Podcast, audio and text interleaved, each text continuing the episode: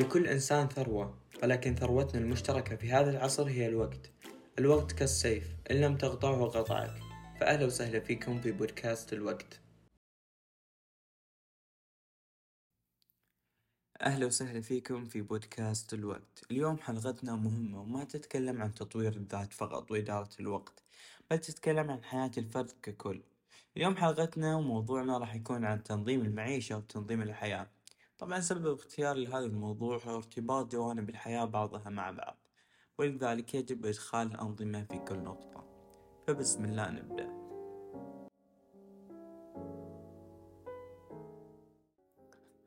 ما المقصود بتنظيم الحياة أو تنظيم جوانب الحياة؟ الإنسان ما يولد وهو على علم بما يجب فعله حيال أي شيء بل يتعلم ويجرب ليستنتج طريقة أو أسلوب تجاه الأشياء. ولذلك من خلال تجاربنا في الحياة أصبحنا قادرين على التمييز بما هو مناسب تجاه جوانب الحياة. ولحتى نحقق هذا المفهوم لابد من استعمال هذه الأساليب لكل جانب وهذا هو المقصود بتنظيم الحياة.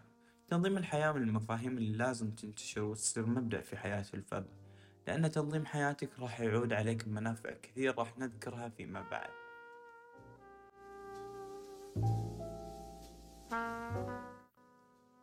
ما هي جوانب حياة الإنسان؟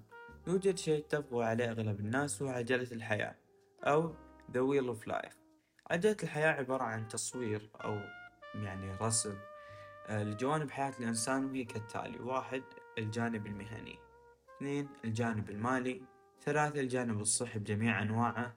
أربعة جانب العائلة والأصدقاء. خمسة جانب العلاقات الأخرى الممتدة فوق العائلة والأصدقاء طبعا. ستة الجانب الروحي والشخصي سبعة الجانب الترفيهي وثمانية البيئة المحيطة. كل هذه تعتبر جوانب في حياتك لابد إنك تنظمها واحد واحد. لأن إذا حصل خلل في أحد الجوانب ممكن الجانب الثاني يتأثر بشكل سلبي. أو إذا تم تنظيم أحد الجوانب ممكن يتناسب مع نمط أو أسلوب حياتك قد تأثر بقية الجوانب بشكل إيجابي. فلا بد من التنظيم.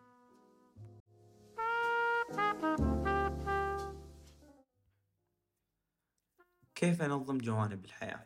بالبداية لازم تسأل نفسك هل أنا واعي بجميع أمور وجوانب حياتي؟ لأن السؤال إذا كانت إجابته لا وبدأت تنظم حياتك فغالبا راح تنظمها بشكل لا يتناسب مع الواقع على سبيل المثال افترضوا أن عندنا شخص غافل بالجانب الاجتماعي ليس بسبب أن الشخص هذا ليس اجتماعي أو لا يتواصل بل بالعكس اجتماعي جدا ولكن ما بعد يدرك تصرفاته الخاطئة في هذا الجانب وقرر ينظم ويراجع نفسه في هالجانب. وبسبب عدم وعيه صار يفشي بعض الأسرار والخصوصيات لناس ليس لها علاقة أصلا ظنا من أن هذا الشيء عادي. ولذلك كن واعي بجوانبك وتفاصيلها. ثانيا ابدأ شوف تفاصيل كل جانب يعني لو بناخذ الجانب المالي مثلا طبعا.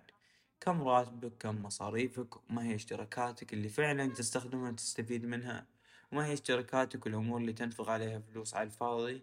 وش المصروفات الأساسية؟ وهل أنت مؤسس لك خطة ادخار أو لا؟ وغيرها من التفاصيل. بعدها صلح أغلاط وعيد تنظيم. صلح أغلاط وعيد تنظيم لين ما تحصل شيء يتناسب بحياتك بجانبك المالي أكيد. وبهالشكل مع الجوانب الأخرى. فبالنسبة لي لاحظت فرق كبير وإيجابي لما بديت هالموضوع خصوصا على الجانب الشخصي. وأكيد ممكن التنظيم يدخل بالإنتاجية والعمل عن طريق بعض الوسائل والمفاهيم. والطرق أيضا اللي ذكرناها من قبل في القناة. يقول جون ماكسويل أحد أكبر الأسرار في أمر نموي الشخصي وإنتاجي الوفير هو أنني أستخدم الأنظمة في كل الأمور. كما يقول ميشيل جربر أن الأنظمة تسمح للأشخاص العاديين بتحقيق نتائج استثنائية. متوقع طبعا لكن بدون نظام حتى الأشخاص الاستثنائيون سيجدون صعوبة في تحقيق النتائج العادية كما هو متوقع.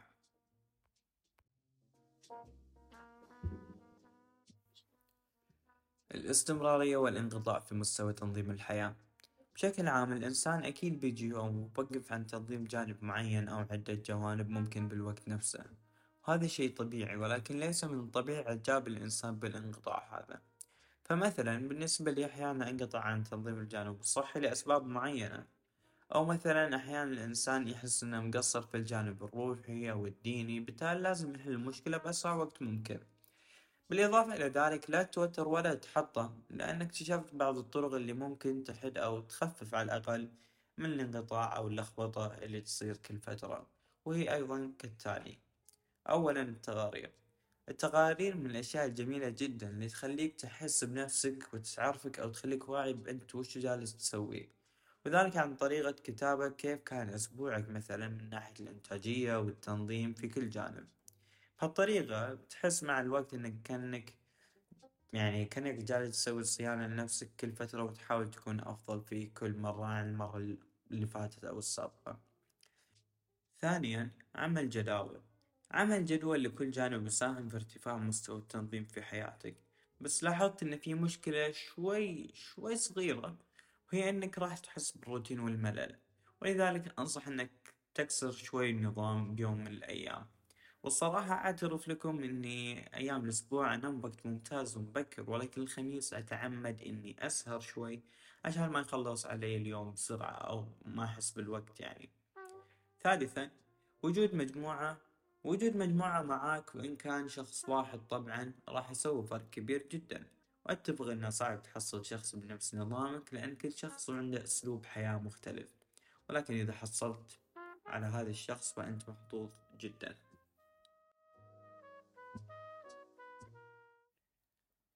ملخص الكلام هو أن التنظيم شيء أساسي في حياة الفرد لأن بدون تنظيم راح يلاحظ الفرد مدى كمية الفوضى اللي راح يحصلها مع مرور الوقت. والإنسان هدفه بالحياة إنه يرتاح ويكون منظم ويكون راضي عن نفسه. فما أعتقد يوجد إنسان عاقل راضي عن مثلا مشتريات كل شهر ما يدري ليش شاريها أو شخص منعزل اجتماعيا أو ظروف مالية سيئة أو تقصير في أحد الجوانب. فتخيلوا بس لو تجمعون تطوير الذات والتنظيم. أوف بس قد إيش بتتغير حياتكم. بالختام إذا عجبتكم الحلقة لا تنسون نشرها مع المهتمين في تطوير الذات وإدارة الوقت. ممكن هذه الحلقة تطلع قصيرة أو خفيفة ولكن والله ضغط مو طبيعي. ورغم هذا الضغط أنا حريص إني أنزل حلقة وأعرف إن الأسبوع اللي راح ما نزلت. كان معكم عبد العزيز إبراهيم من بودكاست الوقت. نراكم في حلقة قادمة إن شاء الله.